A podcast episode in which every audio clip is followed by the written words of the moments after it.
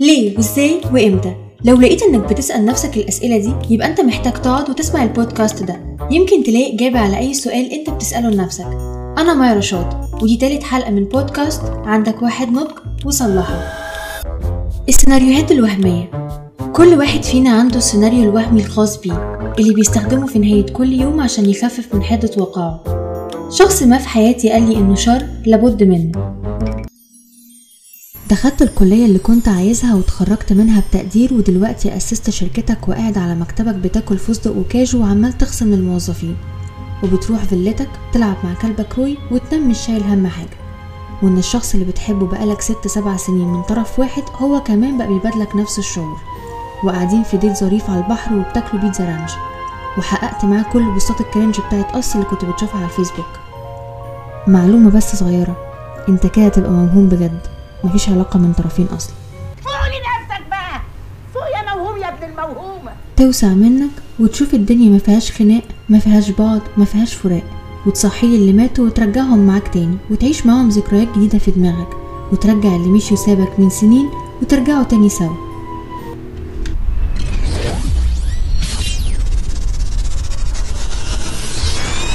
فقت خلاص؟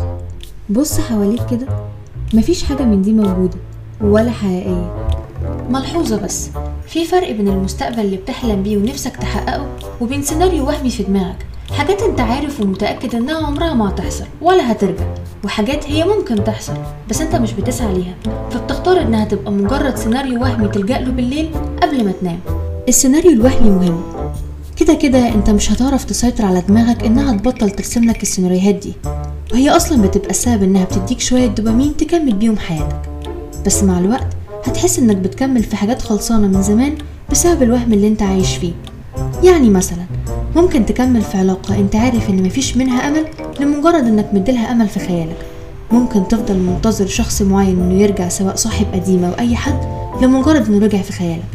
يعني هي مش بتحفزك على قد ما بتخليك واقف مكانك وعايش في الوهم وبتدي لنفسك أمل مزيف. أنت بقيت بتستنى تخلص يومك بدري بدري عشان تروح تدخل أوضتك وتعيش مع السيناريو بتاعك. اتكلم يلا اتكلم بأدب في نوع تاني من السيناريو الوهمي مؤذي أكتر بكتير. إنك دايما بتتوقع السيناريو السيء من كل حاجة وبتبدأ تصدقه وتؤمن بيه لدرجة إنه بيتحول لمرض. على طول بتبقى مؤمن إن الشخص ده هيسيبك أو الشغل ده أنت مش هتتقبل فيه أو بتتوقع دايما الأذى من أي حد. بتبتدي تنكر الواقع وتبتدي ت vibe مع السيناريو اللي في خيالك اللي توقع أسوأ مصير للعلاقة فبتنقل العلاقة لمكان تاني. مع إن الدنيا كانت ماشية كويس. وفي الشغل أنت بتبقى qualified كفاية بس تعمل إيه في دماغك اللي قاعدة تتخيل مشهد ال HR اللي بيرمي ال CV في وشك؟ فبالتالي ده بيأثر على ثقتك بنفسك مع إن الواقع كله في صالحك. بس للأسف دماغك هي اللي مش في صالحك. شد الجوانة محمد وادعي لي ربنا ياخد تيجي نتكلم جد؟ في مقولة بتقول أقداركم تؤخذ من أفواهكم. يعني طول ما أنت بتقول مش هتقدر فأنت فعلا مش هتقدر. العلاقة دي هتفشل فهي فعلا هتفشل. داخل ال interview وأنت شاكك في نفسك إنك مش هتتقبل ال HR اللي قدامك هياخد باله من ضعف ثقتك في نفسك وهتترفض فعلا. السيناريو الوهمي مش شرط يكون حلو. ممكن يكون نوع من ال overthinking اللي بيدعم أفكارك السلبية وبيخليك تتخيلها ويجسدها قدامك فبتدخل في حالة من اليأس. المشكلة إننا بنختار نعيش أي سيناريو سواء حلو أو وحش إلا إننا نعيش الواقع زي ما هو. عارف ليه بنقعد نتخيل ونوهم نفسنا في واقع مش موجود إلا في دماغنا وإحنا في إيدينا نجتهد عشان نعيشه؟ عشان النفس البشرية دايما بتميل للسهل بس طول ما أنت عايش في الوهم مش هتتحرك من مكانك. وفي النهاية يعني لو حابب أو عاوز شوية نضج تاني أو عندك شوية أسئلة مش لاقي لها إجابة ممكن مش أكيد تلاقي لها إجابة في البودكاست ده يبقى استنى الحلقة الجاية.